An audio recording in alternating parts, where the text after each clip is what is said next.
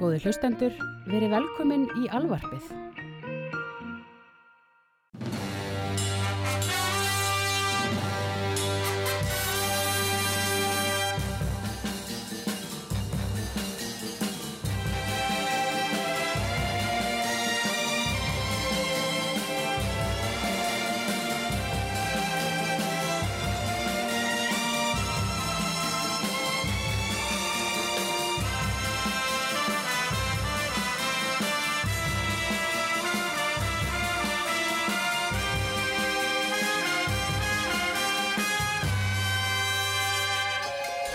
Hérna, Þú byrjum ætlar- bara, byrjum að þetta er, verðum ekki, byrjum bara, að- byrjum bara að taka upp. Ég er bara að byrja að taka upp sko. ok.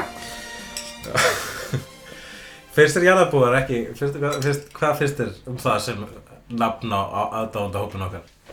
Ég er svona hægt að býtandi að venjast í sko. Já, við hittum einn jarðabúð í gær sem að, hérna, kalla hann sig jarðabúð eða hvað? Nei, hvort þú spurður hann? Þú spurður svona mjög aggressíft. Ég held að Finnst þér það ekki lægi að hitta jarðabúi? Já, en þú, has, þú sagðir undan því bara, já, vegna þess að hann svona, hann var einn gaur sem sagði okkur við, við okkur í gær. Hvað heitir hann aftur? Hannes?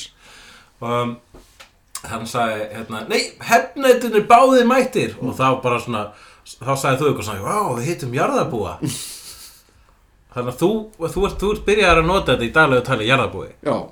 og uh, ég, Finnst þér það vera samþykki? mér finnst það verið samþyggi en ég á sama tíma þá finnst mér þetta svona geðvett hérna, sjálfsánægilegt Já. nafn og aðdáðdóf þetta er svolítið svona sjálfum glatt sko Nei, það er nokkuð. Jarðarbúar Hlustu Hlustu þá Hefnendur eru mættir Við erum búin að fá upp á stokkurna hefnelskandunir Já, Og Og mér dætti við að stýta það í helskandunir helskundinir sem ég finnst mjög dark. Ég, mér finnst það mjög gott í. Já, helskandur Það er meira svona, já Það er eiginlega Maður sér fyrir sér gott þar sko. Já, fólk með svartleitað hár, uh, einhvers konar svartan maskara og læti. Uh, Skulum við ekki samt sko alveg skýr Helskundinir. Við skulum ekki- alls ekki skan dissa sk- samt gott þar í hack Það er örgulega 10% af okkar Af jarðarbúum 10% af Það er jarðarbúum enginn að dissa, eru Gothar. enginn að dissa gott þar hann sko. Nei, nei Eh, f- Mér finnst sko svona þjóðirinn sko til dæmis rússar og svona austatjárslönd Mér finnst það að vera sjálfkrafa gotharar Þau fæðast sko Já. Fæðast með svona eyeliner og eitthvað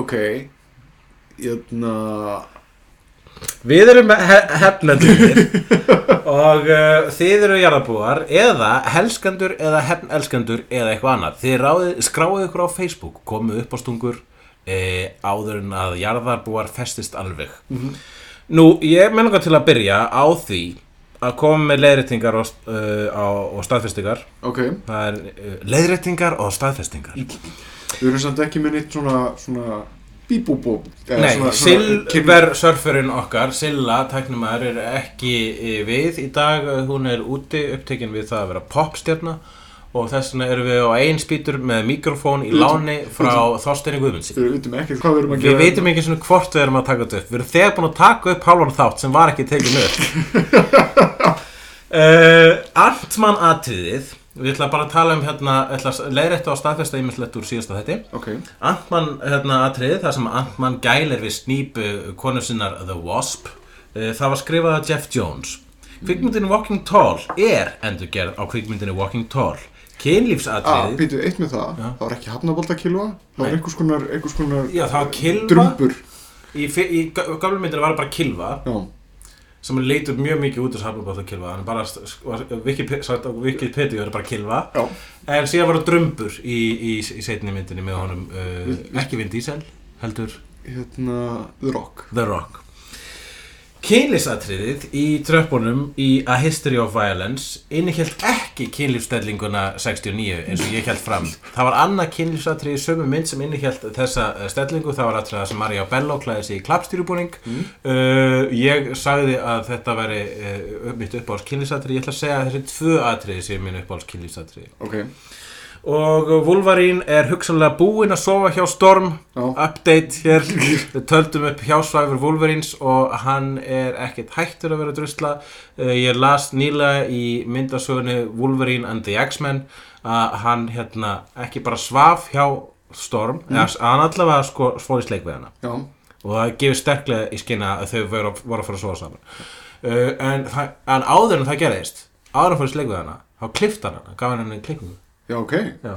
hún var þá, hún var með hérna, 80s klippinguna sína, eða 90s klippinguna sína sem er sko bara svona stórt hvítt hár já, en hann gaf henni aftur gömlu hana, punk 80s greiðsluna sem er hanakamburinn sem er besta storm hálgreiðslan þú varst enda búin að stinga upp á henni hérna, hvað heitir hún, já, 12 Years a Slave sem Storm já, hann er Lupítu já, nú góngum það hún ætti að leika Storm finnst mér mér finnst Halle Berry ekki vera sterk sem Storm en reyndar er ekki henni að kenna uh, Storm er rosalega leiðilega skrifuð í öllum X-Men myndunum já, uh, hún hefur ekkert að gera og hún sko hún var Já, orðin óskarsverðanleikona þegar hún var að leika hérna Storm í nummer 2 og 3 já flutningurinn á línunum var ekkert sérstaklega sterkur nei, hún var bara, mér fannst hún bara illa kostuð nei, já, akkurat Storm er rosa flott í, í hérna í eh, myndasögunum og, og, og marg þættur persónuleiki Hún er layered like an onion já, hún mætti alveg fá aðeins meiri virðingu og svo að lokum vil ég eh, tilkynna það að Landó er hættur í Dancing with the Stars vegna bakverkja yfir til þín Ævormann ég veit ekki hvort, að, hvort að maður er að fagna þessu eða ekki Já, ég fagnaði pínu lítið vegna þess að svo kom fram Þið finnst síðast þetta pínu, þá- pínu, pínu dabburt Þá var það, var, ma- maður leið illa hans vegna, hann var sveittur, hann gat ekki droslega mikið hreift sig Já, á hérna, danskólfinu og hann var þetta bara vegna þess að hérna, sta- Star Wars aðdöndir og svo duglegir við að kjósa haldunum inni og þú veist, ef þetta hefði haldið svona áfram hefði þetta enda með því að Star Wars aðdöndir hefði drepið Landó sem er kannski eitthvað svona kannski var það svona subconscious hérna, á, áætlun Star Wars aðdöndir þeir eru að drepa Landó fyrir að vera Júdas herðu já Eigum við ekki að færa okkur í hvað er að gerast? Hvað er að gerast? Herðu já uh, Svona stærstu fréttinnar eru og það sem að beðið um að- að að- að fjalla væri um er Turtles-trailerin nýju Já sem að er eh, Michael Bay framleiðsla já. leikstýrð af einhverjum gaur Einhverjum guður Hún er Jonathan Liebesman Lípismann, já Já sem er hérna sami leikstjóri og gerði Texas Chainsaw Massacre rebootið Já, ég var hefðan af því gerði líka á Wrath of the Titans Ég var, eh, sá þá mynd Já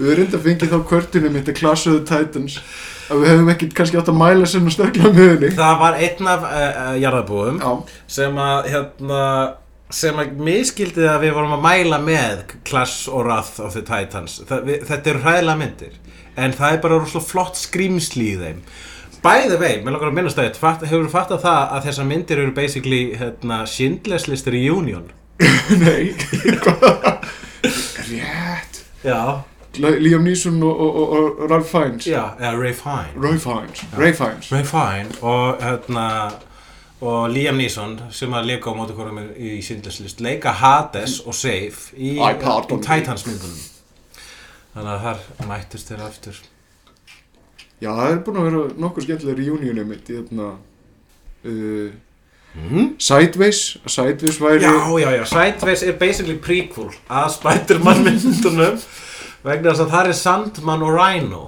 í Já. gangi að hittast og, og, og að hittast og svo hérna, Drekka vín. og, þú veist, og svo fer sko, verður setna meir sko, ræn og alkoholisti og lokum verður bara brjálæðingur og, og hérna, verður vondikallin í næstu spætumamynd og uh, hérna, hann leitir óhæmingi sem í brúk uh, hjónabandi, hann sandmann og, og að lokum endar sem líka glæpamaður sem breytist í sand Já, en hérna uh, Turtles-trailerinn aftur ég, ég er gamall Turtles-aðdavandi ég, Mhm. ég kynntist Turtle- Turtles þegar ég var hérna uh, krakki fór með mamma og pappa til bandaríkina og kefti þar nokkur myndasögu blöð já, og hérna þá var að, nei, þá var að hérna, sem sagt, post Eastman mynd, mynd, Turtles. Ísmann og Leird þú, þú- þú keftir Eastman sögurnar Já, ég kefti þær Það er þar sérst orginal hérna, törtlu sögurnar áður en að hann seldi það til uh, þeir Kevin Ísmann og Peter Leird voru saman Peter Laird, já.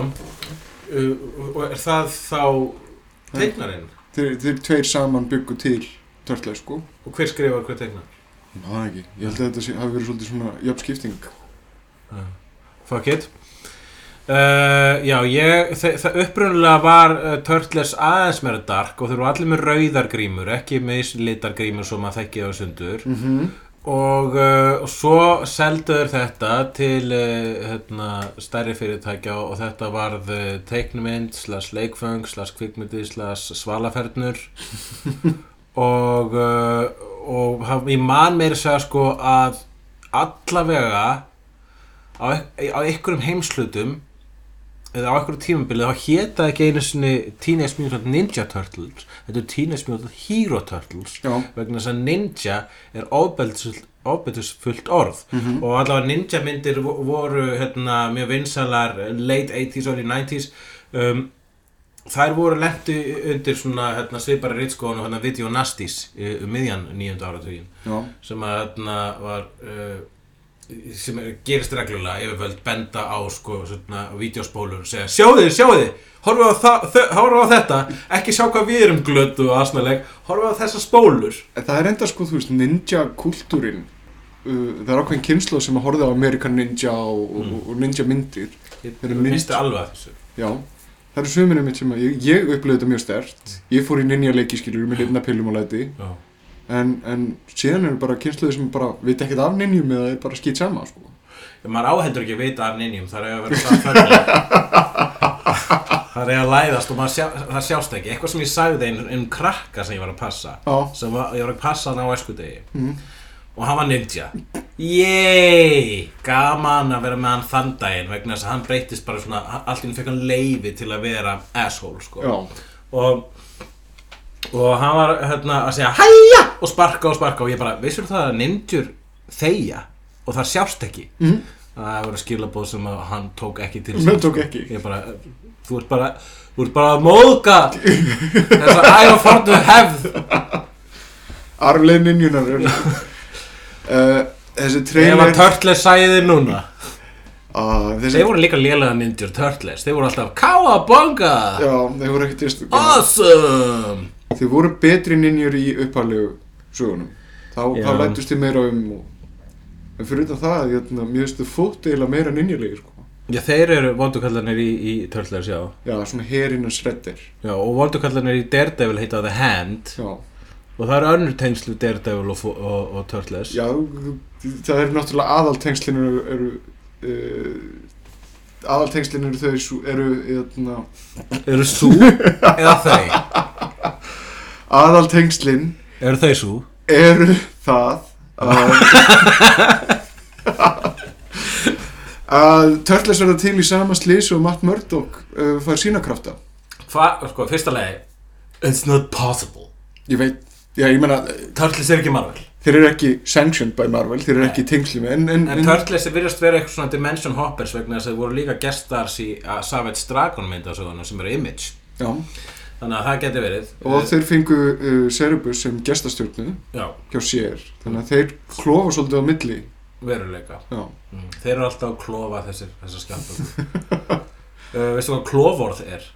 nei, Það er þegar sko einhver kona, hérna, nenni ekki að sofa hjá þér en lofar að sofa hjá þér setna já, ok Já, ok, halda áfram Turtles trailerinn er hræðilegur já, ég veit ekki, ég, ég skal ekki segja hræðilegur vegna þess að, að, að það er voðalega lítið sem kemur fram í honum en það sem er hræðilegast við hann er það hversu illa Turtles líta út Já, það er hérna, jú, þú, þú ert on the nose þarna já, Mhm. Eh, vegna þess að það hefur verið tekið fram á netinu og, bent, og, og, og það var fljótt gripið í þann rass eða eh, klipið í þann nef að Turtles eru ekki með því klassíska Turtles nef í Já. þessari nýju mynd það er einhver reddit aðdándi sem að uh, endur teiknaði nefin á nýju Turtles og þeir fara strax að líta betur út Við skellum því á Facebooki okkur núna Já, já, það er einmitt hérna, það er líka mjög skemmtilegt mím á netinu þar sem er, hérna, er og, það er vegna þess að sko Turtles hausarnir allir eins og þeir leggja sig lítið út þessum nef á mörgum frægum Ég, þetta er ákveðið mím þar sem búið að krota Turtles hausa á nef frægra Já, Mm. einstaklinga nefn brott Nefbrott, já Já, Þannig að í rauninni hinn fullkomni Turtles haus er eins og nefbrottur Þetta er rosalega skrítið útfar En ég menna það sem að gerist fyrir viki er það að þessi svona að, að reyna að gera andlitaðan mannlegri Ég, Þetta er eitthvað obsession hjá hann Michael Bay vegna þess að hann ákvað að gera það sama við Transformers Þeir megi ekki vera maskinulegir í framann Þeir Já, verða að vera, það þeir- verður að reyna að búa til einhverja varir Já. og, og, og, og, og, og svona eitthvað svona munnsvip Tört, já, mér, já, hann fór ekki töðunar á mér í- við, eh, hérna, ég tók fyrst alveg ekki eftir þessum með törtles, vegna þess að það er ekki, eins og- það, það er ekki heilagt fyrir mér, ég er ekki törtles aðdáðandi. mm. Og hérna, ég tók og, pa- og þetta fór ekki töðunar á mér við Transformers, vegna þess að það er heldur ekki heilagt fyrir mér. Og mér fannst það sem pínu flott hvernig munnarnir á þeim voru svolítið svona svo pöttumunnar, sko. Já, Þeir voru svolítið svona ógeðslegir. já, en, en Og til þeir fíla dæmis á það. Optimus Prime þá verður að reyna að búa til varir Já. sem að ég bara fannst algjör óþörf Mér Já, fannst bara allt í já. lagi að hann væri með þessa grími fyrir Það, framann það er mjög skrítið að vélminni þurfi varir, Já. þau þurfa bara hátalara. Já, nokkulega Uh, En jötna, en sem ég segi skilur, þú veist, það, er- það er verið að dara þarna við í Uncanny Valley. Þetta er, þetta, er- það er verið að reyna að líka eftir mennskum uh, hlutum. the Uncanny Valley, hva, hvað þýðir þetta? The Uncanny Valley er þegar að tölvuteknaðar myndir, Mm. svona, svona uh, tölvuteknaðar karakterar, þegar eftir því sem þeir líkjast fólki meira, að það kemur svona ákveðin dífa í því hvað, hvað er trúverðugt. Það verður það creepy. Ah, aðteglisvert. Hversna er þetta kallað Uncanny Valley? Ég manna ekki, það er bara einhver, einhver sem veldi þetta. Já, við skulum bara... gú- gú- gú- eh, Kæru jarðabóar, googlið. Já. Uh, hérna, já, þar ég er með, hérna, hefur bara spáðið þessu. Þetta er, hérna, algjörlega, hérna, hnífurinn í kunni. Þetta er eins og Polar Express. Þetta er, já. Polar þeirra- Express er bara mjög djúft í því um kannivali. Þetta, Nýfurkunni í hvað var þessar Robert Zemeckis myndir og allar motion capture myndir sem að eru teiknmyndir mm það er að segja þegar að hérna, ég, þetta var, í- ég var í tinni ekki motion capture jú, Jú. en Uh, þeir Monster- kartúnuðu hann aðeins meira upp, sko. Já, já, þeir, þeir, þeir náðu ykkur milligöngu þar, það- það, hún leit ágætlega út Mhm. Þetta var líka í Monster House, þetta er í hérna, Zemeckis myndunum, Beowulf, Polar Express og hérna uh, Jólasaga. Christmas Carol og það er nefnilega það, ef að sko teiknumyndir eru skrýpamyndir Mhm. þannig að það er ykt augu, yktar hendur, yktir munnur, yktir varir það er allt stækkað og minkað, allt er ykt þetta er annar veruleiki og þar alveg endur hreyfingar yktar og þess vegna gengur það ekki upp ef að Mickey Mouse eða eitthvað, eða eitthvað skrýpafígura er motion capture og gengur þessu venjulega manneskja þá er eins og sko það sé eitthvað að Já. Það Og- okkur líður eins og það sé einhver svikar eða þarna ferð. Já, það sé- það er, það, það- það er bara eitthvað svona ramt í gangi og þess vegna líta þessar motion capture myndir sem ekki sérstaklega og slá bjánalega út. Ég horfði núna um jólin á uh, Christmas Carol sem að er, þar a- er, er, þar eru nokkru kosti við það með, meðal hans leiksegur uh, hans Jim Carrey Mm. en það er bara allar fígururnar sérstaklega þær sem að sko líta venjulega út vegna þess að hann er ekki bara það að hann er ekki bara að gera teiknimynd hann er að lá- reyna að láta teiknimyndina líta eins mikið út og, og ljósmynd og hann getur sem mest pointless hlutur í heimi vegna þess að hvað svona tekur þú ekki bara með kvikmynd Já. svo ógeðslega stúpið og það, verða, það er líka aldrei hægt vegna þess að mannsallitið hefur ykkur 6.000 og eitthvað mismunandi svipriði þess vegna mun við sem manneskjur alltaf sjá ef að ykkur, ykkur, eitthvað er gerfimanneskja Já. En og okkur, það, ef þetta verða alltaf eins og ykkur svona dau, þetta verður svona dauð andlit þú ert að horfa fram í dauðar manneskjur já, það er einn af hlutunum sem að maður kvartar sérstaklega undan í Polar Express. já, ég, ég sá bara trailerinn og, og þessi mynd leit svona evil út Mjög creepy og plastað fólk, sko.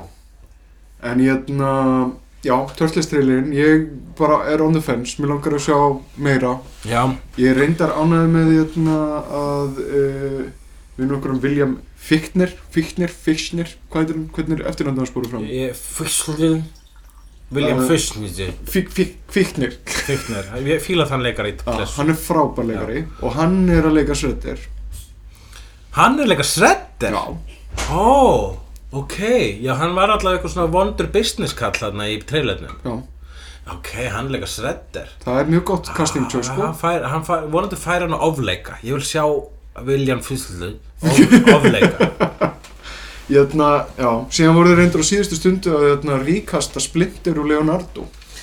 Já, ég heyrði af þessu að það sé svona mynd, það er búið að gera myndina Mhm. og ég er nefnilega þegar um leiði svo trailerin þá ákvaði að tekka á hverju tölu fyrir Turtles vegna þess að þeir sem tölu fyrir gamla Turtles voru hvað, Corey Feldman, Já. Corey Haim og Já. hverju, tekka það, hverju tölu fyrir gamla Turtles Maður sjá, Teenage Mutant Ninja Turtles 1990 Þeir sem töluðu fyrir uh, Josh Pace var Raphael Michael Sisti var Michelangelo Leif Tildi var Donatello og David Forma var Leonardo Random allir Ó, akkur held ég að Corey Feldman væri þarna Ég veit það ekki Mér hefur dreymt það Elias Kotias lík aftur á móti Casey Jones og hann líkist svolítið Herru, Casey Jones er mitt uppáhald Hvað var að Turtles? hockeygrímur Það gaurinn. er karakter sem ég hef alltaf elskað Og ég hef bara, ég hef ekki lesað myndasögurnar Ég hef reynd að lesa gamla Ísmannsögurnar Og þær er að vera gá, hérna, bestu Turtles sem til er En mér finnst það samt slæmar Mm.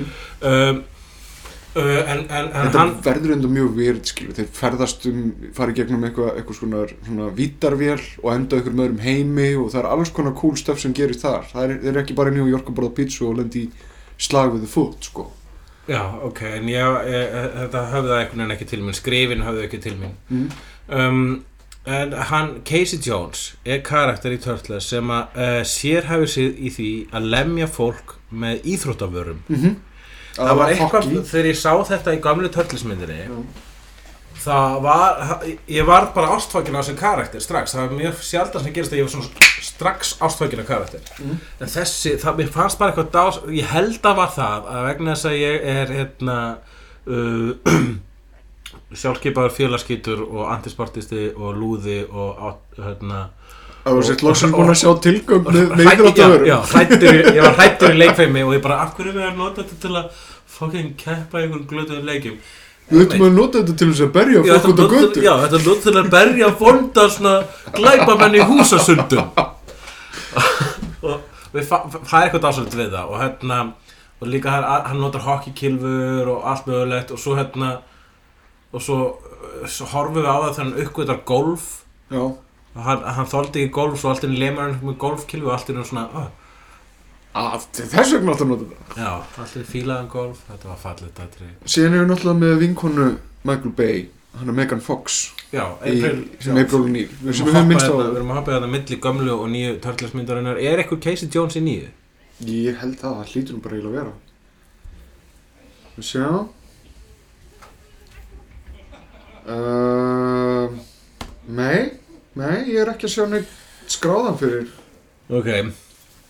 Um, já, nei, ég, hérna, Megan Fox uh, örgulega mjög fín sem hérna, April, April Jones, hefur það ekki? April O'Neil. April O'Neil.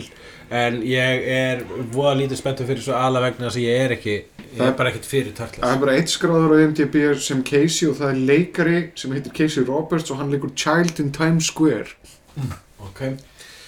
Ef við þá ekki að færa okkur yfir í eitthvað annað. Já, ég er með smá meiri frétti líka. Ok. Og það er, það er, það er eitna, eitt af mínum uppáhalds, Stray Bullets. Já. sem er búið að vera í nýjára fríi frá því að sem sagt blaðnum með 40 kom út Það eru nýju ár leiðir, ég mani ég kefti hverja einustu bók. mm -hmm. og þetta er, þetta er eitt af þessum þetta er eitt af snildaverkum uh, sjálfstæðara myndasag, bandaríska myndasagna þetta er eitt magnaðasta crime noir verk sem þú getur komið höndunum yfir þetta er, ótrúlega margslungið hvað hva kallaði maður þetta? tapestri, þetta er heil, þetta er búta sem teppi já, þetta er búta sem s- teppi af ógæfu og óhugnaði hvert eitt einasta blað er með sjálfstæri sögu sem við hefum upp að miðjöndi þannig að þú getur eiginlega dýft inn í þetta hvar sem er sko karakterar poppa upp aftur og aftur Mm Og það er flakkað í tíma alveg frá 97 til 77, það er meira að segja Star Wars vísum strax í fyrstu bókinni. Já, ég, það var einmitt mjög flott það, í, held ég þeirri bók, já, í fyrstu bókin er það þegar hérna, barn verður vitni að, að morði Já, Þetta er einmitt það sko að hérna, að fyrsta sagan í þessari frábæra, þessu frábæra bútasusteppi er saga af því þegar barn verður vitni að ofbeldi ekki fyrsta sagan, þetta er, þetta er ég held að þessi önnur að þriðja. einhver staðar í, í í byrjuninni, fyrstu bókinni, eða Já. fyrstu sem sagt collected fyrsta útgáfu. safninu þá, hérna, þá kemur þetta kemur hérna atrið sem er rosalega stert og það mótar þá persnu og sér þannig síðan setna sem fullorna manneskjur svo framvegis Mhm. um, það, það er það sem mér leið þannig þegar ég las þetta sko Mhm. að mér leið eins og ég væri barn að vera vitna ofbeldi Já. nema að þú veist, ég fílaði það Þetta er, hann David Lapham, hann er einstaklega góður höfundur, hann er mjög grimmur, hann, er mjög, hann, hann mm. drefur ekkert úr, hann er ekkert svona að, eh, svolítið eins og George R.R. Martin að því leiti að hann hérna, er ekki góður við lesendur. Nei, og, og hann er mjög grimmur við sínar einn sögupersonu líka. Hann lætur þar gangi í gegnum helviti harkalega hluti og er ekki feimin við að- að að- að sálga þeim, sko. Þannig að, að Stray Bullets er að halda áfram. Stray Bullets eftir nýjóra hlýja er uh, byrjað aftur. Það, það komið- byrja það bara aftur frá bara því það sem var horfið. Ég er ekki alveg búin að átta mig á því hvernig, hvernig þetta virkar vegna þess að það er komið issue nummer 41 Mm. sem að sem sagt klárar þann cycle sem er í gangi og síðan er hann komið með nýtt issue sem heitir Stray Bullets Killers Já, og ég er að veltaði fyrir mig hvort að það sé hérna, saman til pissi fyrir framæði. ég veit ekki hvort að það er skilur og skiptingin, hvort hann ætla bara að sem sagt að byrja upp á nýri, sem sagt í nýri sögu sko, Mm. en samt innan í Stray Bullets heiminum eða hvort að sem sagt meina, að hver hann er eigi þetta eftir að gera kafli? issue 42, 43, 44 Já, en það eru komin nú tvö issue sem sagt nú, þetta 41 sem að, sem að klára loksins uh, sögu sem að var uh, halv kláruð í, í 40 Ah. og uh, byrja sem sagt nýja í öðna, 41 og ba- ég er búin að lesa bæði þessu, þau eru frábær bara ennþá með þetta sko hlakka til, ég býð eftir bókinni Eh, það, þegar við tölum um það að Lapham sé hérna, þessi grimmi höfundur Mm. þá er ekkert skrítið að hann hafi skrifað einhverja kabla í hérna, s- hvað getur maður sagt bálknum Krost mm. mm. ég, ég, ég, hann er þetta flokkt þessum zombi og bálkur þetta, er, já, þetta er samt ekki zombi, eiginlega zombi þetta er nýtt gerð af zombium já, zombíur eru eiginlega ekki lengur þú veist henni lifandi döðu zombíur eru núna orðið orð yfir hérna, hópskrýmslið mm Hópskrimslið er mitt uppáhaldskrimslið Ég, það, ég, svo það sem ég fíla, ég, zombíur hafa alltaf verið upp á skrimslið mitt Já. ef maður tekur fyrir þessu grunntegundur af þessum klassísku skrimslum við þurfum undir að hafa málefnum dagsins einhvern tímann hvað er uppáhaldskrimslið við þurfum að gera það Kanski, ef ekki, hei, höfum það bara ef að hafa Já, núna? höfum það bara núna ok, ok, Málefni dagsins. uppáhaldskrimslið mitt Mm. og þá erum við að tala um sko þessu grunn humanoid skrimsli eða ekki, þá erum við að tala um vampýrur, varólfa Við erum- marbendla eh, það er rosalega gott að hafa bara universal skrýslið sem grunn sko, Já, það er grunnur, universal skrimslin er þessi, hérna, Wolfman Wolfman, uh, Dracula, uh, Bl- Mummy. Creature- Mummy sem Creature er, of the mammi er eiginlega representation af hinnum lifundu döðu, sko Já, akkurat, það er líka með þessa bölvun sko Já. En, uh, já, en það er algjörlega, það er, við erum að tala um og marbendillin, marbendillin sem er svona eiginlega sjálfgæfast Við erum að tala um öll skrimslin sem voru í Monster Squad, já, það er frábær mynd bæðu vei dásalega mynd uh, Ég er hrifnastur af zombíu sem að eh, er, þá er þá er að tala um George, s- s- sú zombía sem fættist fyrst í George eh, Romero myndunum bæðu vei, við glemdum að minnast á Frankenstein Frankenstein, Frankenstein, já, akkurat en Frankenstein skrimslið Já, Frankenstein er þetta sympatíska skrimsli en já, George Romero Hann endurskapaði zombíuna Zombían fram að því uh, fyrsta zombíumyndin eh, kufi er að væt zombí Mm. Eh, Var Bela Lugosi ekki henni? Ég meni það uh, Ég er með þetta ekstra í DFD-safnunum mínu Við erum heima hjá mér, við hliðin á DFD-safnunum mínu uh, Þar, hérna 1932 Bela Lugosi Já Væ- Zombíur eru upprunlega mýta úr vesturindíum, þetta er hérna, það eru notaðir sko vútugaldra til að lífga við e, líkt og notaðir sem vinnuafl já, gera fólk að viljalausum þrælum já, viljalausum þrælum hann endur skapaði þetta hann Romero, hvílíkt og annað eins með Night of the Living Dead með því að láta þær ekki vera uh, tó, hérna, verkfærin eins heldur er það bara að engri sjáleira ástöðu fólk sem rís upp á döðum og byrjar að geta annað fólk hefur bara þá eina kvöt að geta mannakjöt Þetta er fíla og sérstaklega er það, það sem ég fíla við zombíuna er þetta hópafl það er það að þetta er hópskrimslið og um leið verður þetta ádeila á mannkinnið á, á alla mögulega hætti Skí, fyrsta virkilega góða ádeilan e, po- hérna, eftir Night of the Living Dead var Dawn of the Dead Mhm. mm. setni önnum mynd hans Romeros í þessum Dead bálki um, um, já, um, neyslu hópsálun, Já. hópsálun neysluðikunar neysluhyggjan, þar var það hérna, fólk, þá voru zombíunar í kringlunni mm -hmm. og, og, og vöfruðu þar um og bara vegna, út af einhverju, svona, einhverju minni í þess- því því sem eftir var í hausnum á þeim Zombíurnar í kringlunni, það er Zombíurnar góð, í góð Kringlunni. titill ég meina, þú ferð í kringluna og þú sér ekkert nema zombjur þau eru maurar Hvað er hefstur að kruka? Hefðu, ég glemti hipstarakökurði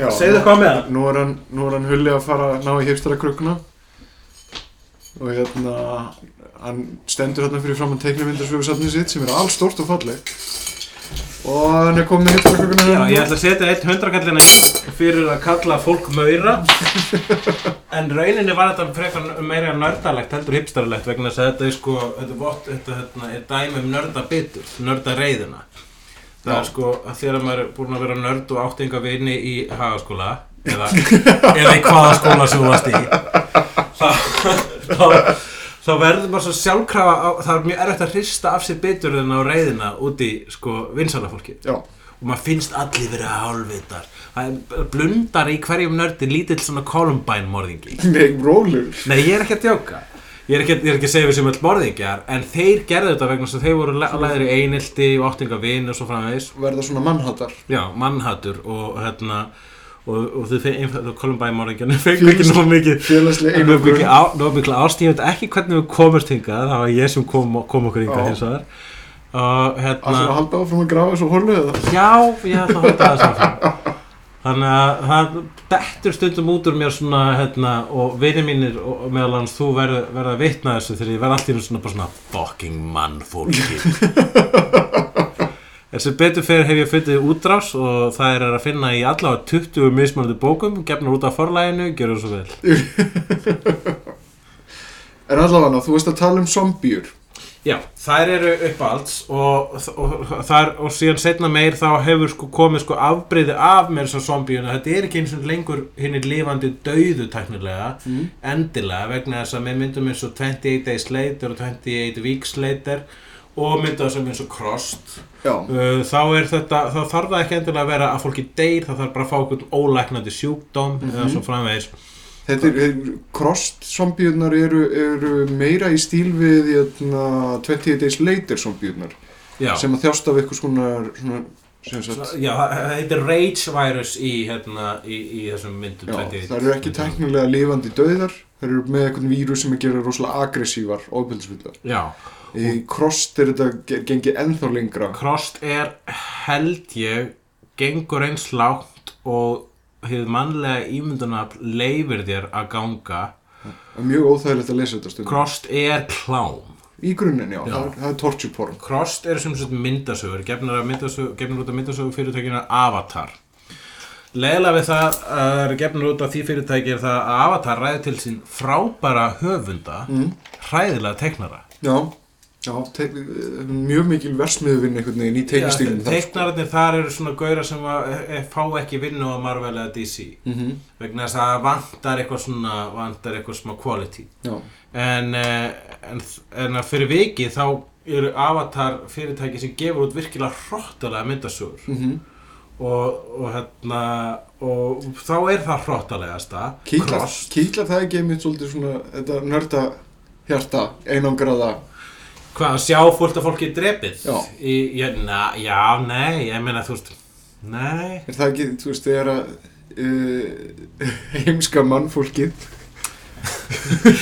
ég, ég lít ekki á sjálfum mér sem einhvern svona, svona supervillain Já. Eitthvað svona stupid humans ég er bara að segja að stundum byrtist einhver svona ljótmynd í mér Já, sem að er, er svona, segðu mér að þú átt ekki nörd, nördareiðina segðu mér að þú mjög nördareiðin er þarna sko Já. Eh, já, en það, ég fæ mikið út úr því að sjá reyndar mannkynnið eigðast ég... Sko, ef ég hefði tæknina Ef þú þá væri ég hugsalega einhver Dr. Doom Já, Það væri hugsalega Red Skull og eitthvað svona hérna, að taka yfir mannkynni. mér stefnir mitt hérna í Chronicle uh, nördin þar Mm. og hvernig reyðin brýst út í honum sko Já. mér finnst það bara svona ágættis byrtingavindaði Já, það er mjög oft, uh, vondukallar í myndasögum eru oft fyrirhundi nördar sem eru laðir einhelti og þetta eru dæmisögur, sérstaklega í Marvel og, og DC. Mar Marvel eh, þekki ég betur og það er gott dæmi að Peter Parker er sko nördin sem er gerði rétt mm -hmm. og síðan eru sko eiginlega allir óvinnir Petus Parker eru nördar sem gerur rá Já, þú veist allir óvinnir Petus Parker eru líka vísindamenn vísindanördar sem er bara svona "Ó, þau skildu mig ekki og svo bara rústa þær heiminu já, að meðan Petur Parker átti bara einn góðan frænda sem sagði, mundu, ábyrð og hann bara, já, já, ok, ok, muna það og bara búin að vera góður út af því já, en við erum komin svolítið út af spórunni sem þetta er zombjur. Af hverju, þe- þú elskar zombjur út af þessu. Ég elska zombjur og vegna þess að þeir representa mannkinni mér finnst að vera besta mögulega ádela á uh, man- það er þetta setja hann nefnilega þessi ádela og svo marga þætti mannkins Já. eins og í þarna neysluhygginu í Donald Dead uh, og Donald Dead endurgerðinni sem gerða líka en Donald Dead ger- fyrirmyndin gerði það aðeins betur hvað var að ádeluna uh, en síðan er hi- hérna, hitt dæmið um hérna frábæra ádelu hvað þetta h- hérna hjarðeðli zombiðunar varðar var í þáttaröðinni míniseríunni Dead Set Mm. eftir Charlie Brooker Já, sem Big að Brother. er, já Charlie Brooker er eina mínum hetjum Mm. og, hérna, og hann skrifaði sem sagt, þessa og, og leikstæðan líka Ég getur Hann hún sjálf. allavega skrifaði hérna, Dead Set sem að er zombjur í, og sagan er sögð út frá Big Brother þáttakandum Hún leikstýrði ekki, það var Nei. einhver Jan Demange. Big Brother er sem sagt þessi fræga hérna, sjóstáttaröð, uh, raunveruleika þáttaröð í Breitlandi. Það sem hópar af fólki uh, er saman í einhverju húsi. Já, og síðan verður zombie outbreak og það vi- vill svo til að, að fólkið í Big Brother er á örugasta stað í heimi. Mm -hmm. Það er í, í, í Big Brother húsinu. Já, Það er á, hérna, á settinu sem er sko, það er alltaf live feed frá þessu setti. mm þannig að zombiurnar út í heimis þó að séu búin að breyta í zombie og sjá ennþá live hérna, Big Brother já, þannig að núna í, í stað, staðir sem vera kringlu verslendur þá eru so- hérna, zombiurnar uh, raunvöruleika þátt að áhorfendur ok, það var mjög sterk ádela sem að ég mæli eindreiði með þeirri þáttaröð já. Þú ert náttúrulega búin að skrifa zombiesögum. Já, ég skrifaði það rétt Ég skrifaði zombiesögu sem að heitir Ógæfa og kom út fyrir síðustu jól og það er er hún Rán Flígenring sem að um, teiknaði söguna um, með glæsibrá og fekk verðlun frá fjöla íslenska teiknara núna um daginn fyrir -hmm. Verðskulda líka. það verðskuldað og þar voru zombiurnar íslenskar og, og, og voru með svona íslensku tvisti Mm -hmm. það voru allir alkoholistar Já, uh, við veist það er enda mjög gott vist, svo, svo ég hrósi þér. Ég þakka þér fyrir það, ég má ekki við þessu hrósi, Það- það, það- maður stíða mig til höfðus. Það, það er eitthvað fallegt við það að þú gerir ekki alveg greina mun á því hvort eitthvað sé með zombíu eða hvort hann sé fullur út, út á götu. Og það var svolítið pointið með þessari sögu, það er hérna að, um, að uh, uh, uh, hvað ef að zombíu átbreyk brýst út í íslensku djamlífi og það er engin munur á venjulegum djammara og zombíu, hvern átt að drepa? Já, Og aðalpersonan, eina aðalpersonanum í þessu sögu er Páll Óskar og ég vann hana í, í, í samstarfi við, við hann. sem deilinu með þér ástriðuna fyrir zombíuna. Já, hann er mikill zombi aðdáðandi og það er hægt að heyra hann ræða sitt áhugamál í fyrsta þættinum á áhugavarpinu. Mm -hmm. Uh, það, hann, er, hans, hans persóna, sem er hans sjálfur, Páll Óskar er DJ á 22 um miðju Gay Pride eh, fögnuði þegar að zombjur vakna til lífsins. Er þetta í kvöldi fyrir geiprætt? Þetta er kvöldið eftir Gay Pride. Eftir Já, geiprætt? þetta er bara lögutaskvöldið. Ok. Bara, hérna, og, og hann fattar það að hvernig hann á að skilja að fyllibittur og zombjur. Hann situr á læð Nína Já, vegna þess að Íslendingar eru ekki rithmísk þjóð þetta hef ég frá hann Páluskari sjálfum mm þetta er lýrisk þjóð við Já. dönsk, við dönsum ekki við lög, við dönsum við texta -hmm.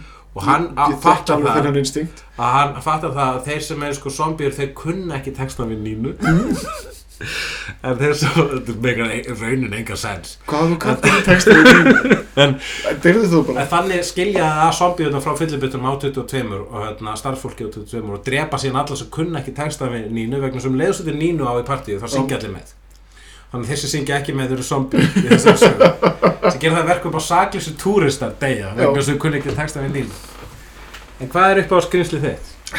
sko það er alveg tonn af skrýmslum að veljúr en það skrýmsli sem ég hef alltaf verið hrifnastur af er vampýran Já, e- e- eða zombjur fyrir stelpur eins og ég kalla það. zombjur, veist það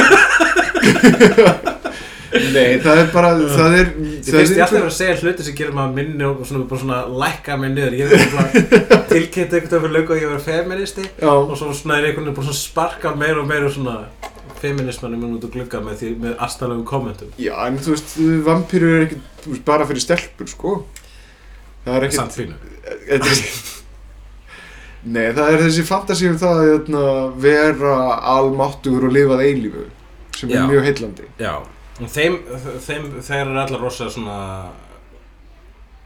ma- Zombie eru oft svona, nei, ég meina, vampýr eru oft þunglitar yfir því að lifa í lífi Já. Já. En síðan eru það líka náttúrulega ríkar og völd, voldugar og, og, og, og stýri ykkur um herum og hafa alls konar krafta aukreitis eins og að geta dáleitt fólk og haft þræla og Já, en það eru, þetta er svona power fantasy, já. vampýr eru samt með miklu óljósari reglur heldur en zombie eru Það eru- það eru nú nokkra svona sa- fastar fyrir, sko. Og Fyrir, já, sko, að meira þess að ég held alltaf að fastasta regla var það að brenna í sól. Mm -hmm. það er ekki einu svona föstu regla lengur. Já, ég, við- ég er nú ekki sérstaklega hrifin að Twilight fyrirbærinu, sko. Já, það er ekki einu svona bara í, tva- það er bara meira þess að í Dracula, sko, þá, þá brennur hann ekkit endilega í sól. Þá verður hann bara svona, mi- svona ekki jafn powerful. Talandir endur um Dracula, vissur það að hann er að- af íslenskum ættum. Dracula? Já, Nú? samkvæmt Bram Stoker sjálfum. Nú? Ef þú skoðar hérna nýlega útgáfu á hérna, Dracula í íslenskri þýðingu sem er, ég held fyrsta þýðingin á Dracula þá sem sagt hann það Makt, var, makt myrkrana. nei, Makt Myrkrana er sem sagt stitt útgáfa Dracula sem við gefum út Ah. en Bram Stoker skrifaði sem sagt, uh, sem sagt kynningu fyrir hana bara á þeim tíma Já. og hann gefin út svipum tíma og Dracula kom út og þar tekur hann fram að, að, að, að uh, Dracula sé eftir frá Íslandi að hluta til Það með, já, ef Dracula myndi allavega njóta sinni í Íslandi allavega hva, á vetuna. Já. Það þyrfti hann ekkit að vera mjög mikið inni. ég var nefnilega mjög súr út í til dæmis 30 Days of Night vegna þess að ég hafði haft þessu hugmynd Já. að etna, bara vampýrur að- að að- aðtapna sig í tótal myrkri í ykkur þrjá mánuði Já. á Íslandi meikar algjöra sens Já. ég hef nefnilega haldið að allt væri morandi vampýrum hérna um vetartíman sko, Já, er það ekki, er það ekki allt múrat í vampýrum? jörglega Já, alltaf ég finnst ég alltaf verið að hitta fólk á barnum sem er að sjúa um í lífið. Baram, bam, baram, bam. ég held, ég Á, á held ég að setja Já. það. Er það alltaf þegar ég er með mannhátur? já, í Já. grunnatrið Já. Er það hipster að hata bara? Að vera sinikal á móti Ég- ykkur? Ég það er veist hipster. sinisismi vera svolítið kjartna hugmynd á bakvið hipsterisman. Já. Mm. En já, en síðan náttúrulega er, er einu mínum uppáhald seríum Buffy til einhver vampýrum Já. og þar eru þau náttúrulega að koma í alls konar stærðum og gerðum, sko, Og þetta hafa verið frekar fastar þar reglur. eru sko supersterkar Mm. uh, og náttúrulega sjóblóð og brenna í sól, uh, þóla ekki við, uh, þóla ekki krossa. Mhm, Uh, verð, það verður að bjóða þeim inn mhm, og uh, það eru með ljót enni já, þegar, að- þegar þær breytast í vampýrur en geta gengið meðal manna og það er svona, það er eiginlega sko hérna, sem að, já það er svona Buffy einkennið, einkennið á Buffy vampýrunum er þetta ljóta enni Já, já, mér stafst þetta leiðilegt sko ef maður er vampýra það þurfa alltaf að vera með ljótt enni þegar maður er að fá sér að drekka viltu vera fallegur og meðan? já, Er þetta ekki samt svona frekar einmitt þægilegt sjónrætt merki fyrir mann að sjá, þú veist, já, ok, allir voru að drepa mig, Ugh. já, hvað kom fyrir hennu þér? gott að við Þetta er bara, gott að vita að þú vart að fara að drepa mig vegna þess að ennið þetta er ljótt þetta er ekki þægilegt fyrir vampirina sjálf og endalega, að að vera með koma ljótt enni. upp um sig í hvers skipti sem mann ætlar að ráðast að eitthvað, sko. Já, mér finnst þetta alltaf, já, en þetta, þetta þeir gerðu náttúrulega, Buffy og Angel eru það meðvitaði þættir, þeir gerðu stanslust grína þessu ljóta ennum, þannig Mhm. sem gerða það þessu virði. Þetta eru það dásalegi þættir, sko. Indislega þetta. Já. En ég, na, já, nei, vampirinn er, er, er mitt upp á alls. Já. Hvað finnst þér um varúla? Þeir eru svona upp og ofan, mér finnst þeir svolítið svona plain einhvern veginn. Ég- Varúlfar- þeir eru svona, Eiga það sameigilegt með vikingum að þeir virðist vera mjög erfitt að gera góða myndum þá. Já, það þarf eiginlega að gera góða varul og vikingamynd. Það er búið að gera tvær góðar, þú veist, ég, hérna, ég, ég har mjög s- fáar góðar, hérna, vikingamyndir Mm? Nefna allt í hennu þurfa að koma sko hérna Outlander sem var vikingur úr geimnum Já, og síðan kom Thor sem var líka vikingur úr geimnum þannig að svo leikið sem að viking, vikingarnir eru úr geimnum þá verður myndin góð já, En hvað er svona erfitt? Hefur séð þess að Viking þætti bæði vegi? Nei, ég hef ekki hort á það Það er uh, mjög flott upphafsinnan í því en ég hef ekki séð Ég hef nefnilega hýrt alveg ágæta hlutum en Já. ég, ég vil eiginlega ekki tala um það ef- ef ég hef ekki séð það sko. Nei, það sem að heldur mig frá þeim er History Channel Já, já þeir eru þeir er gerist mesta þeir ekki bullshit in- Ancient stöðuna. Aliens Já, það er, það er mesta bullshit stöðin að núti sko. Já, og tristu freka NBC fyrir að vera með historical accuracy já En hérna, Fórbúta sporinu Hérna, van- varúlfar það er svolítið um, á saman liti það er svolítið dæma dossin góðar varúlfarmyndir mhm, og það er líka, verðist vera mjög oft einhvern veginn, það verður alltaf svolítið skrítið að þegar þeir breytast í hérna, varúlfa það verður alltaf svona kemur alltaf svona skrítið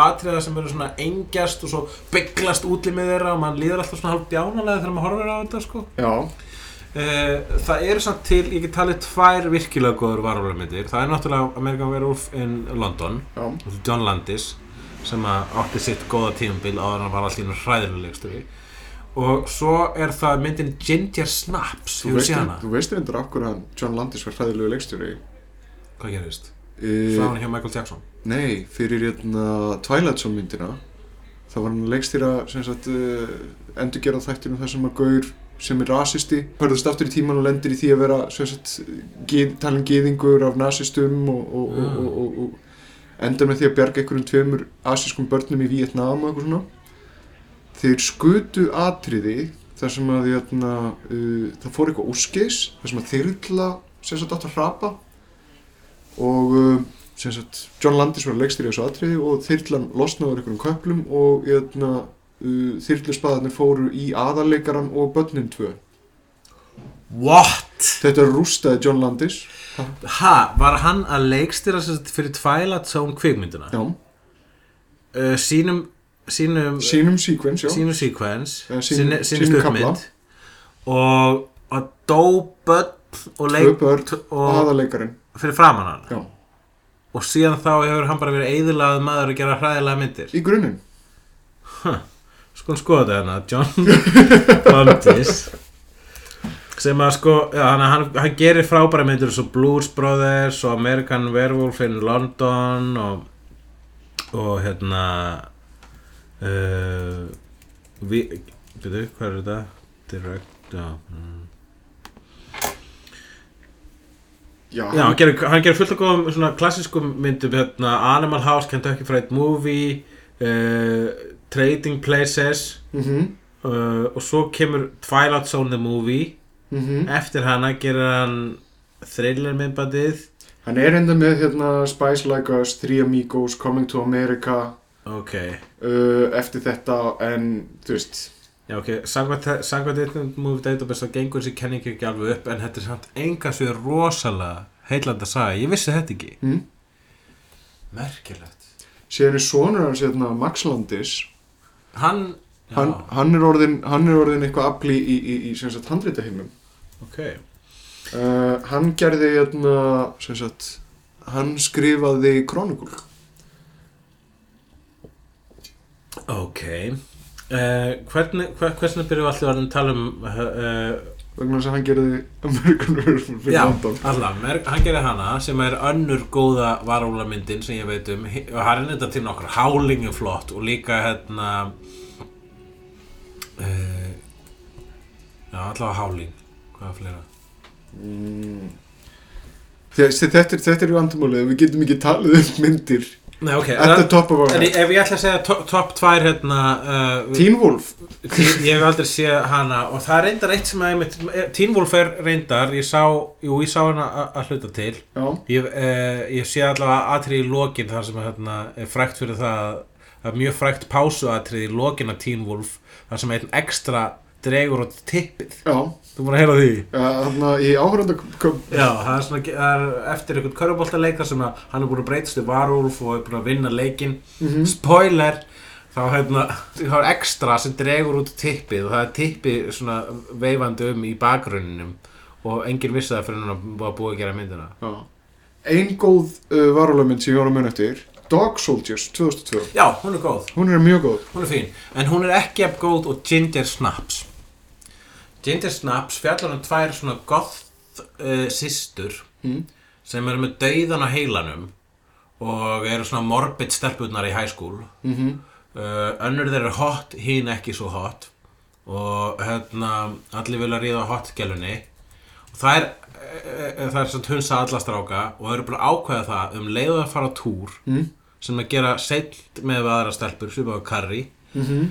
um, um leiðu að fara á túr þá ákveða þeir að, að drepa sig Já, það vilja ekki vera fullurnar það finnst það svo lame það eru, það eru ekta goth og byrju, er, er það þá þegar að önnur þeirra fyrir á túr eða, eða, Já, eða bara- regnaði með því að það myndi fara samtímis á túr eða? Ég- ég- mér minnir að, að, að að paktið hafi verið þannig að bara þegar að sú fyrsta fyrir á túr þá drepa þeir sig og það er bara að hlakka til það er elska dauðan Ok, Nefna það að, sko, þetta er einmitt, þú veist, hef, það er þetta sem að, sko, held ég spila líka stert inn í, sko, varúla mítuna, það er þetta einu svona mánuði dæmi, sko. mm Að varúla vera varúlar einu svona mánuði og stelpur fara á túr einu svona mánuði. Hef ég heyrt. já, Við, og stelpur, ha, þær eru öðruvísi strákar.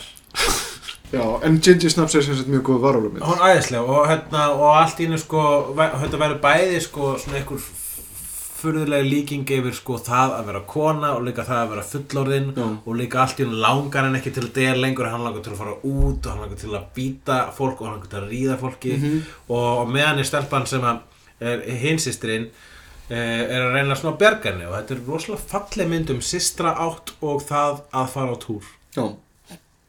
Reyndar er einn af mínum uppáhalds varálu myndna Oz í Buffy. Já, Oz sem var leikinn af uh, Seth Green Mm -hmm. Já, hann var góður varalur Það var Ah. samt svolítið skrýtnir, þeir voru mjög svona litlir varúlarnir fannst mér. það, það, sko- Og svona loðnir, mjög það er loðnir. það sem að sko er með varúlfa og það er það sem ég myndi er gallin það sem gerir varúlfa myndir óaðlæðandi er það að þeir líta aldrei út eins og varúlfar Mm -hmm. líta ö, aldrei út eins og úlfar Mm líta út eins og górilur Já, það verður alltaf einhver svona apagaurar þannig var það líka með Teen Wolf það leita alltaf út eins og apagaur já, það Þessi- er bara mjög hárur gaur. hefur séð, hefur séð Teen Wolf þættina? Nei, Nei, ég, ég hef ekki séð það en ég heyrti þessu axlu alltaf lægi eru þeir jafn fyndnir og, og tímúls myndin? Mér skist það séð mér svona gaman sem er ívafi Ok, veitum kannski að hárfa það. Hvað, já, svo er marbendillinn Já, ég veit ekki, Hey, bara- Creature from the Black Lagoon, Mér langar eitthvað að segja þarna In the Company of Wolves sem er eftir, hvað er ekki, Neil Jordan jú. Já, það er reyndar svolítið flott varulameit hún er rosa artig og skrítin Mér sé- mér finnst skæðið flottur effektin hérna þegar að úlmstrínið fyrir þarna byrtist Já, úr munninum. kemur út úr honum, þannig að Ulfurinn býr inn í honum Ég ég man eftir að þetta, þetta var eina af þessum coverum á, á, á videolínu sem ég starði á oft. Ég, ég horfði á þessa mynd bak við sófan með að mamma voru að horfa á hann og ég mani ég fast, hún kittlaði mig voðalega mikið þessi mynd Varúlfar er, þú veist, ef að hérna sko, zombjur eru myndlíkik yfir hjarð eðli mannsins, Mhm. búksefjun mannsins -hmm. og vampirur eru uh, myndlíking yfir uh, kyn, hvað er það, svona eilifa æsku, æsku þorsta mannsins Já, já. myndi ekki verið svoleiðis varúlar eru hvað? Kynþróskaskeiðið? Nei, bara reyði, innibyrð reyði. Ég hefndi segja þessi kynþróskaskeiðið Er það? Já, og ég held að sé líka svolítið tengt, er innbyggð reyði og kynþróski Já. Ég myndi allavega, þú veist, Allir bara missi stjórn á sér þegar þeir verða kynþróska og, og, og, og, og verða hamslausir og... já Er það kenningin? Já, og síðan er ekkert skrítið að það skildi vera notað sem einhver myndlíking þarna yfir, eh, þú veist, að túrin skildi vera settur inn í þetta í myndinni Gengersnaps og örglega fullt af bókmentum Mm -hmm. uh, vegna þess að það er alltaf þessi þetta hundlegilega mýta um það að konur verða, hérna, ekki mýta, það Já. er ekkert mýta Ég veist en þetta er konur verða hérna... brjálaði þegar að fara á túr Jekyll og Hyde skiluru vera í ætt við varulvin, sko. Jekyll og Hyde er samt einhvern veginn meira kallmennskulegra uh, það er svona eins og að sé að vera hérna, að segja það, að það Jekyll- skilabáðan með Jekyll og Hyde eru svolítið svipað skilabáðan og náttúrulega Hulk er bara endurtekning á því eða hulkleikur uh, það er verið að segja að næskaurar eru líka drullusokkar Já. og við erum öll við erum öll uh, tvær manneskur Mér finnst að við ættum að skoða hann betur hérna Creature from the Black Lagoon. já, Þetta er hann marbendil. Það er marbendil. er til ein góð margmendla mynd og það er Creature from Black Lagoon Það er bara rosalega weird. Þetta, er- mér finnst þetta mjög spennandi skrýmsli samt. Bara forvitnilegt. Já. Svona, svona eitthvað sem kemur úr sjónum. Já, Já, þa- það er, heldur, það he- er ekki vind, það er ekki til já, mikið að myndum um marbendilinn vegna þess að Mjög sértækt. fólk veit ekki alveg hvað þetta þýðir og það er ekki búið að ákvaða hvað þetta á að tákna þetta er bara eitthvað framandi ég skrifaði absolutt leikrit um marbendil einu sinni sem Já. er baðstofa og þá var marbendilinn uh, rauninni myndlík fyrir innflýtenda Já. Hérna, því ef, hérna var í grænlendingur ef við erum komin í, skiljur þú veist, vatna skrimsli, þá er eiginlega besta skrimsli þar hákallin, hvíti hákallin. Það er eiginlega bara eitt af mínum Það er, uppáhalds krí- það, er- skrimsli. það er það sem er creature, það er creature feature. Uh, Samkvæmt uh, heimildamyndinni Everything is a Remix þá skiptast hryllingsmyndir í fjóra undirflokka. Mm. Það er zombiumyndir, Mm? uh, torture porn, creature feature og ég man ekki hvað fjóra var. Er zombiumyndir sérstaklega sér undir okkur? Það er orðið svo stórt. Já. Zombiumyndir eru sko orðarnar miklu stærri heldur en allar aðra skrýmslamyndir. Það er enda tonn af vampýrumyndum, sko. Alveg megatonn, sko. Já, Ég held að Dracula sé alveg með uh, vinsælustu uh, karakter sem var byrst á kvítutöldinu. já, já, vissulega sko. En höldum áfram með þarna skrimslin, uh, ef við klára niðurtelninguna. Uh, við höfum eftir Frankenstein skrimslið. Já. Uh, Frankenstein, Bride of Frankenstein Mm. Uh, hvað heitir hann? James Whale sem er leikstur í myndunum James Whale Mm-hmm. sem að var leikinn af uh, hérna, Ian McKellen í mynd um James Whale sem hétt uh, Go- of Go- Gods and Monsters eða hvað líka Já, uh, Alla, bra, uh, hérna Bright og Frankenstein hann leik- leikstur í Frankenstein og Bright og Frankenstein Bright og Frankenstein er ein er besta Frankenstein mynd ever hún er rosalega flott mm og svo hefur Frankenstein verið bara svona ágætur eða, eða lélegur síðan þá já, Ég man bara eftir uh, Kenneth Branagh Frankenstein þar sem að hann uh, Robert De Niro leik skrýmsli og var svona I am so ugly Það er akkur lína sem hann segir og svo er það hérna Frankenstein í, uh, í Van Helsing sem mm. Mm. er langt til að sjá aftur hún er mjög skrítin.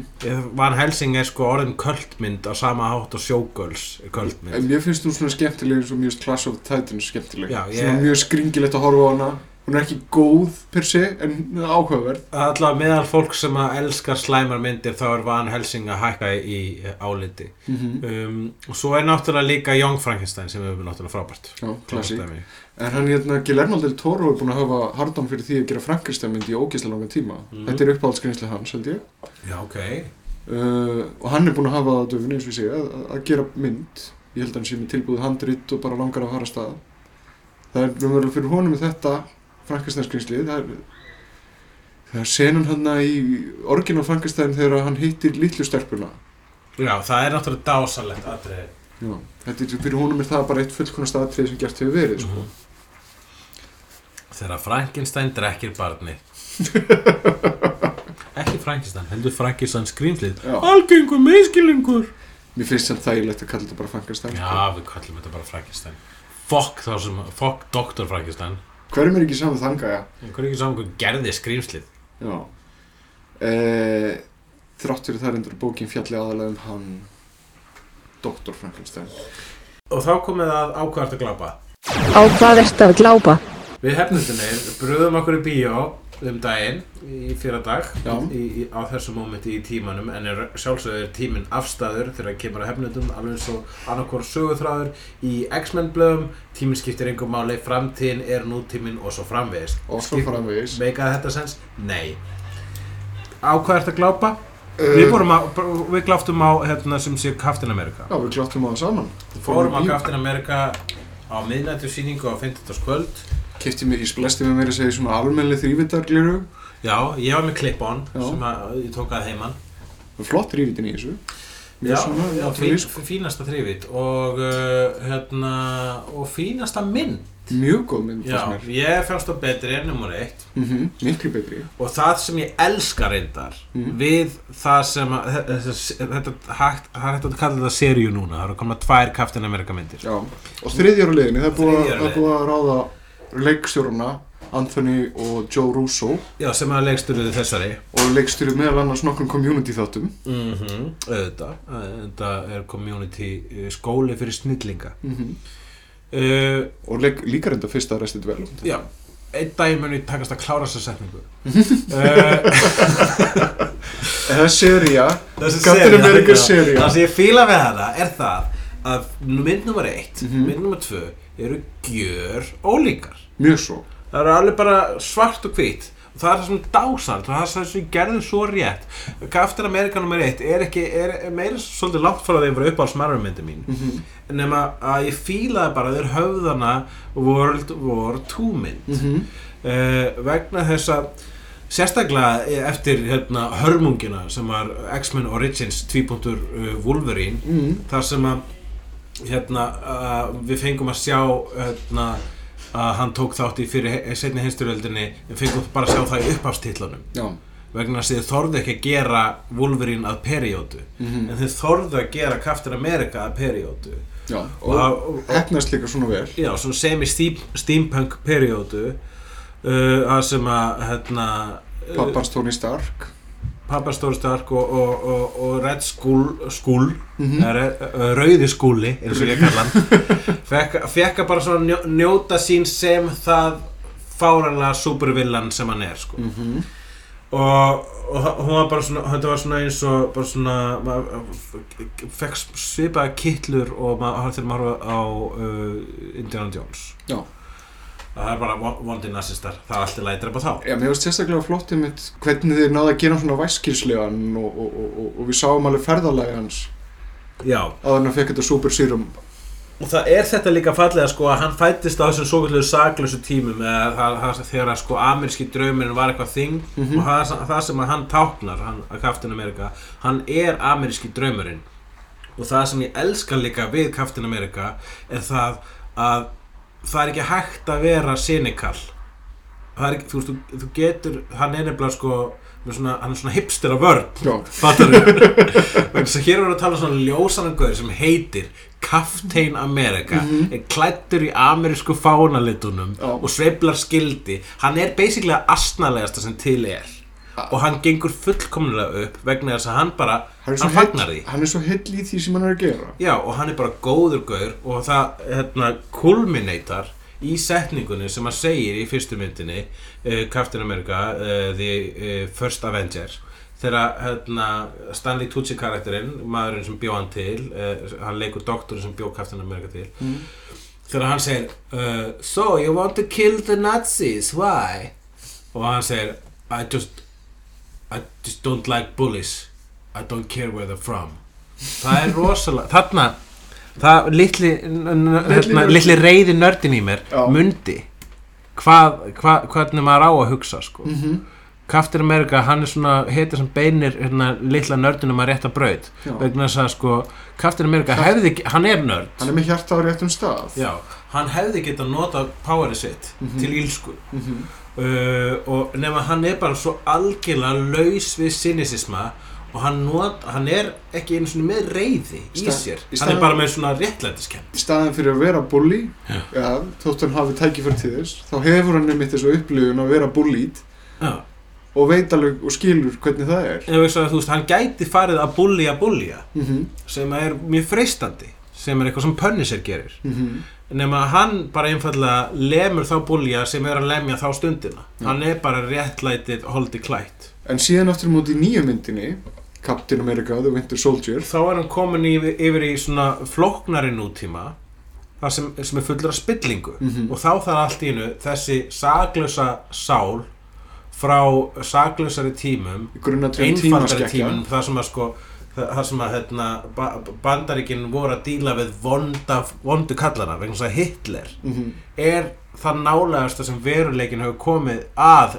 hérna, Dr. Doom já, alvöru illminni það er svo- alvöru illmenni Hitler er bara sko það, það er það sem við gleymum ekki Hitler vegna þess að hann bara svona já, hann, hann fór á að lein skilur hann var bara, hann, Hitler er teiknumynda hetja Já. sko. eh, ekki hetja, vondukall hann er hetjan mín En hérna, mér fannst þessi, frá- mér fannst hérna Captain America Winter Soldier frábær mynd Mér finnst það ógæslega skemmtileg já, Mér finnst það með betri Marvel myndunum já ég, ég hérna, já, algjörlega hún, ég hef lesið bókina Já. Winter Soldier sem er uh, náttúrulega miklu betri en hérna að miklu öðruvísi líka ég meina þeir eru ekki að nota nema uh, þú veist, Winter Soldierin sjálfan en þeir eru ekki að nota plottlega eða nokkuð Uh, Jú, Ú, meir og minna Rúbík. er samplottið en það er hérna sögutránin tölvöld flóknari í myndasögnu vegna þess að myndasögnu miklu lengri Mhm.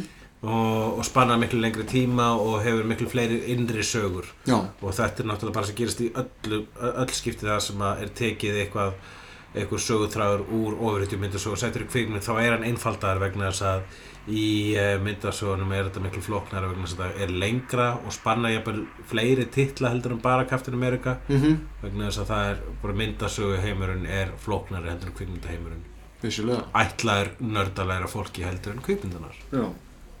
en er eitthvað sem við getum umverulega sko, þú ert að móki þessa heimstaraköku ég er ekki búin að henda neitt er bara að safna hvað hefur við að kaupa fyrir hipstera peningin?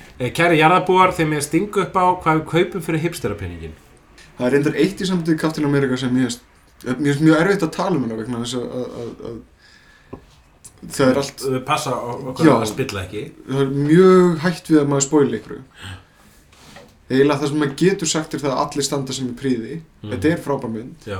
og mælum heilsugur með henni hún fær, heils hugar hún fær hefnindastimpilinn Eh, Falcon er í henni já, það er, eh, Falcon skils mér þessi fyrsta svarta ofurhytjan sem að hét ekki svart eitthvað já, Það voru allar svartar ofurhetjur voru Black Panther, Black Rider, Black eitthvað Getur verið- Falcon er fyrsta ofurhetjan sem get ekki Black eitthvað Black Falcon Það var bara Falcon Og svo er hérna hún uh, Scarlett Johansson sem um, sem uh, svarta ekkjan og aftur. Black Widow Black Widow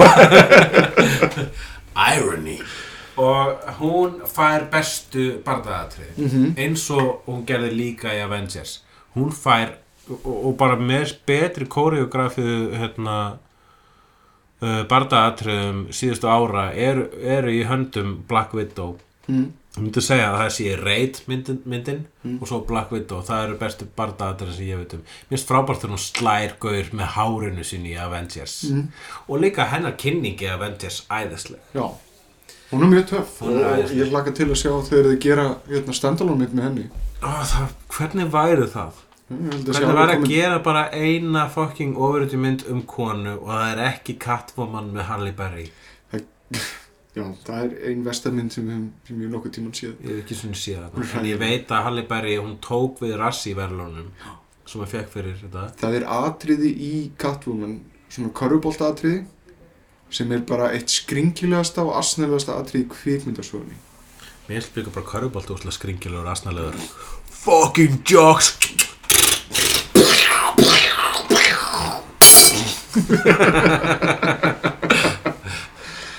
en já, nei, ég meina þú veist, það er aftur á móti það er alltaf stöður hints og, og, og stöður þrýstingur og Marvel Studios að gera almennilega hvernina hvern hetju mynd, sko Já, ræðum það aðeins Miss Marvel er á tekniborðinu skils mér Já, Miss Marvel sem heitir núna Captain Marvel sem er miklu betra nafn og það er mér að rætt í myndasögunum þegar hún loksins eh, kall- endur skýrir sig Captain Marvel þá segir Spider-Woman besta vinkona mm, Captain Marvel við hana bara, já, ég fíla aldrei að þú lést kallaði Miss Marvel og bara, ekki ég heldur Og mér finnst það eftir að gera sér Captain Marvel mynd með, uh, og það er, það er rúmur um að hérna, leikonu sem leikur Starbuck í, í Battlestar Galactica já, ætti að leika Captain Marvel og mér líst ógislega vel á það og svo ættu þeir að gera sem sé hérna, Spider-Woman mynd Spider-Woman er frábær karakter vegna þess að hún er hérna, uh, hún er rosalega sko, hún á svona dark sögu Spider-Woman er eiginlega öfugt við Spider-Man vegna þess að Spider-Man hann á- ólst upp við ást mm -hmm.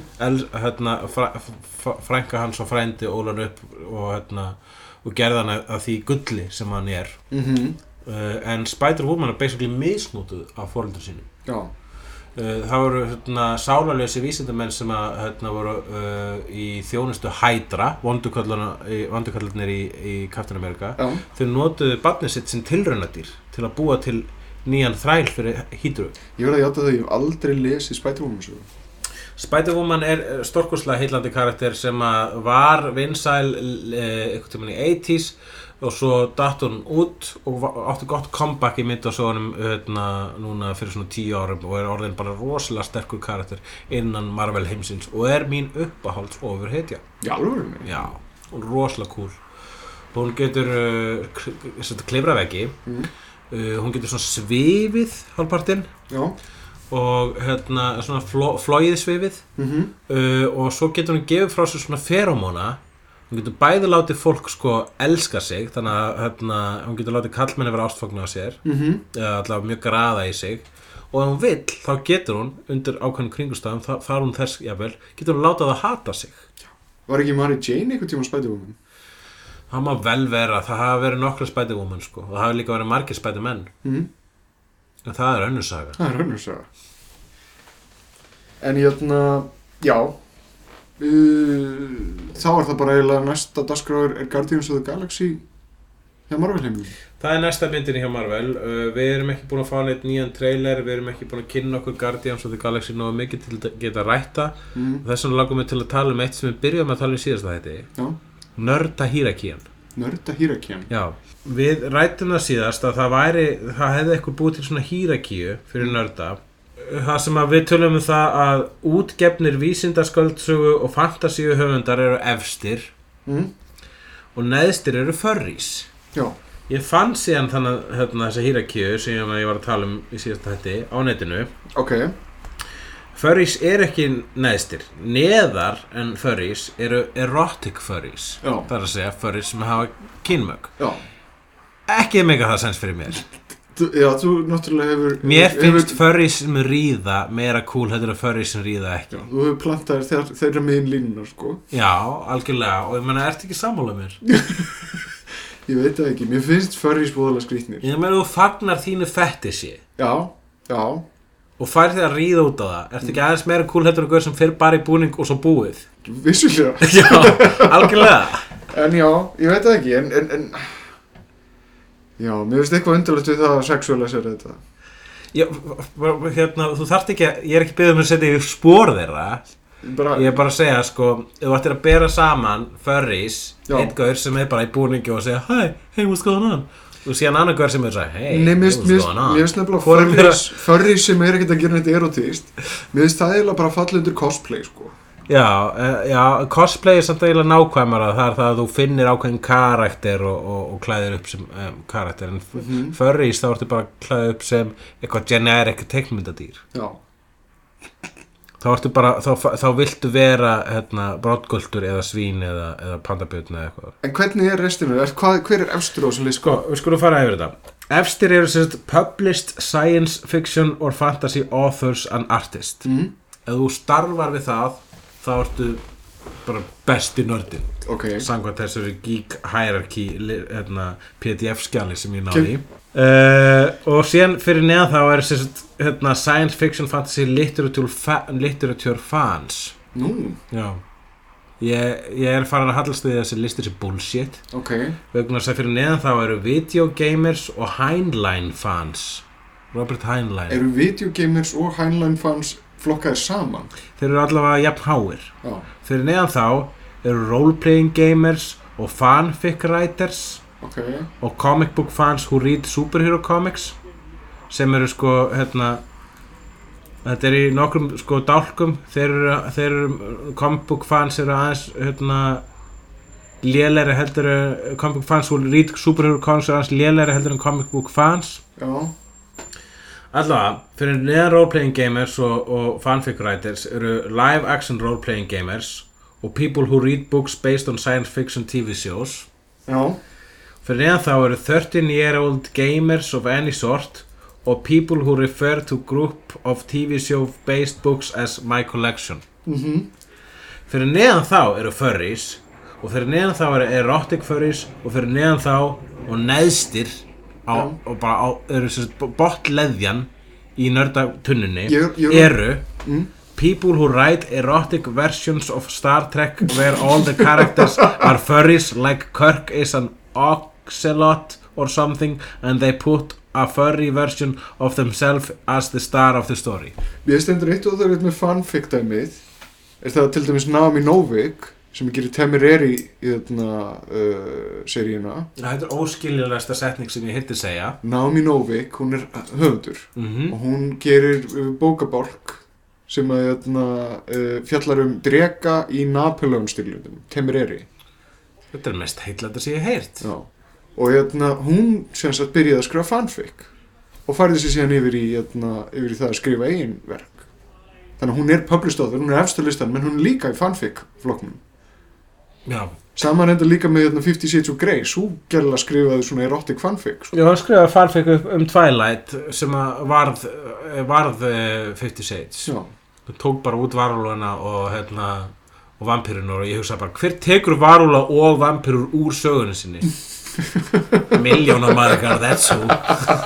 en Eh, mér finnst nefnilega, ég er mjög, ég er mjög fylgjandi fanfiction, ég held að þetta sé bara rétti staðurinn til þess að, að ég mitt að læra á pennan og læra að skrifa.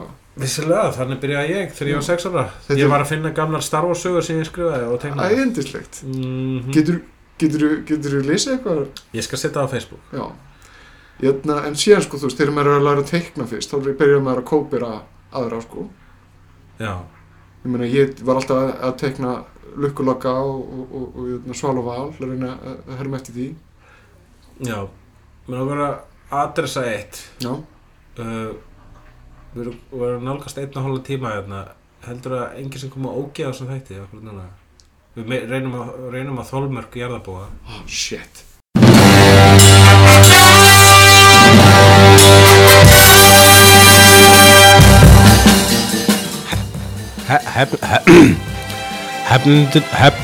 Hefnundurnir voru Jóhann Ævar Grímsson og Hugleikur Dagsson. Upptöku stjórnaði Sigurlaug Gísladóttir.